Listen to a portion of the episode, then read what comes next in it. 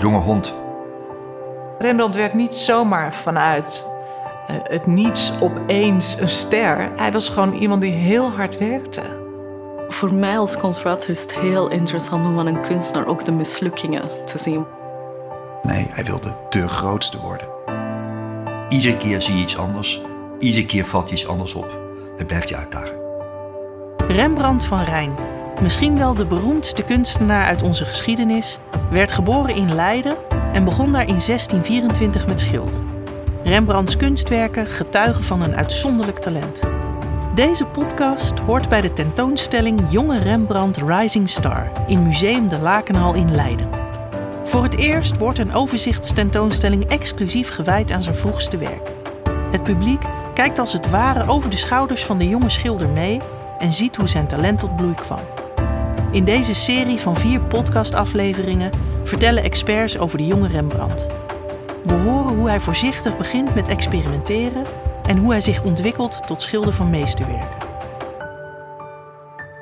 Christian Vogelaar is conservator oude kunst bij Museum de Lakenhal.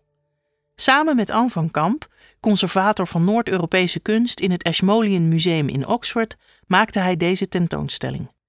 Waar denken zij als eerste aan wanneer ze aan de jonge Rembrandt denken?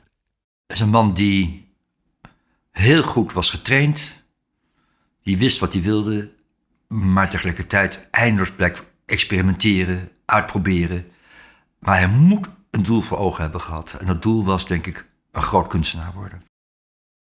Bij de jonge Rembrandt denk ik vooral een rusteloos persoon die heel veel wil experimenteren. Niet alleen in verschillende technieken, zoals schilderen, tekenen, prenten maken, maar ook om verschillende onderwerpen te, te ontdekken en uit te proberen. Je vraagt mij waar ik aan denk als ik aan de jonge Rembrandt denk. Dat is een andere vraag dan waar ik aan denk als ik aan Rembrandt denk. Meta Knol, directeur van Museum de Lakenhal, ziet dat ook Rembrandt hard moest werken. Wat ik mooi vind aan de jonge Rembrandt is dat je ziet dat hij gewoon ook het vak moest leren. dat hij ook fouten maakte. Dat hij aan het prutsen was met perspectief. Of dat hij aan het proberen was hoe hij met stofuitdrukking, hoe hij een bonte mantel kon weergeven. Hij kon het nog niet. Hij probeerde het. Zijn er ook mislukkingen van Rembrandt bekend? Of kon hij alles? Nee, dit is net het leuke aan de jonge Rembrandt. Want terwijl iedereen denkt Rembrandt is perfect, is de allergrootste meester van de Nederlandse kunst, is het heel interessant om te zien dat Rembrandt eigenlijk heel veel fouten maakte in het begin van zijn carrière. Um, en dat is denk ik heel geruststellend voor, voor iedereen, voor, voor ons allemaal. Want we kunnen allemaal een Rembrandt worden als we maar genoeg oefenen en ons toeleggen op allemaal verschillende technieken.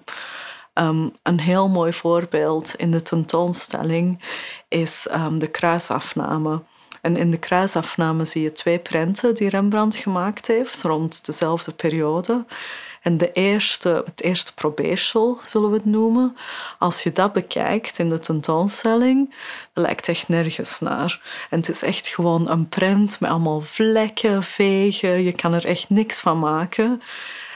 En dan zie je het tweede probeersel dat Rembrandt maakt. En dan beseft hij dat, dat hij het misschien ook niet helemaal zelf kan. En dan roept hij ook de hulp in van een andere prentenmaker, Jan van Vliet. En dan zie je dat de kruisafname dat die veel beter gelukt is. Maar ik vond het wel leuk om in de tentoonstelling het mislukte experiment en het geslaagde experiment naast elkaar te hangen om te zien hoe zelfs de grote, geweldige Rembrandt ook foutjes kan maken. Nee, hij kon niet alles. Hij was buitengemeen ambitieus en wilde en schilderen en tekenen en etsen. Wat niet wegneemt dat de ene schilderij natuurlijk geslaagder is dan het andere. Het, zeker in de beginperiode maakte hij, zie je dat de techniek nog niet dermate onder controle is dat hij meteen kan scheppen wat hem voor ogen staat. En hij groeit er naartoe. Mijn naam is Onno Blom. Ik ben uh, een Leidse jongen. En ik ben een biograaf en een schrijver. En ik heb uh, de biografie van de jonge Rembrandt geschreven de afgelopen twee jaar. Dus ik heb uh, in mijn hoofd uh, een tijd lang geleefd in mijn eigen stad, maar dan in de 17e eeuw. Was het gebruikelijk voor een gewone jongen uit Leiden om kunstschilder te worden? Heel ongebruikelijk. Kijk, de meeste schilders in de 17e eeuw, dit waren zonen van schilders of die kwamen uit families waar schilders een rol speelden. Maar Rembrandt was de zoon van een molenaar. Um, en Daar is ook een clichébeeld van.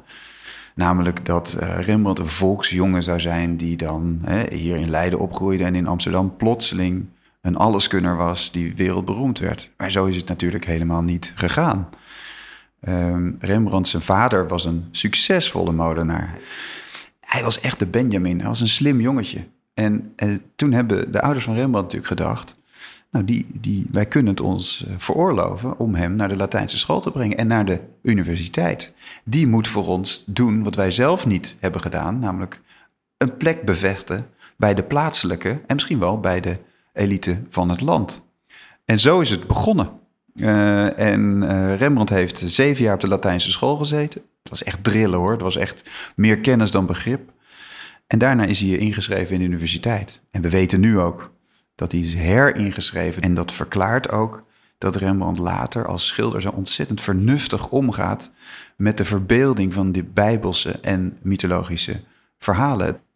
Dus zo is het gegaan. Een, jongen uit een rijk uh, middenstandsgezin, een echte Leidse jongen, gaat naar de Latijnse school en de universiteit en dan, na een paar jaar, beslist hij: ik ga schilder worden.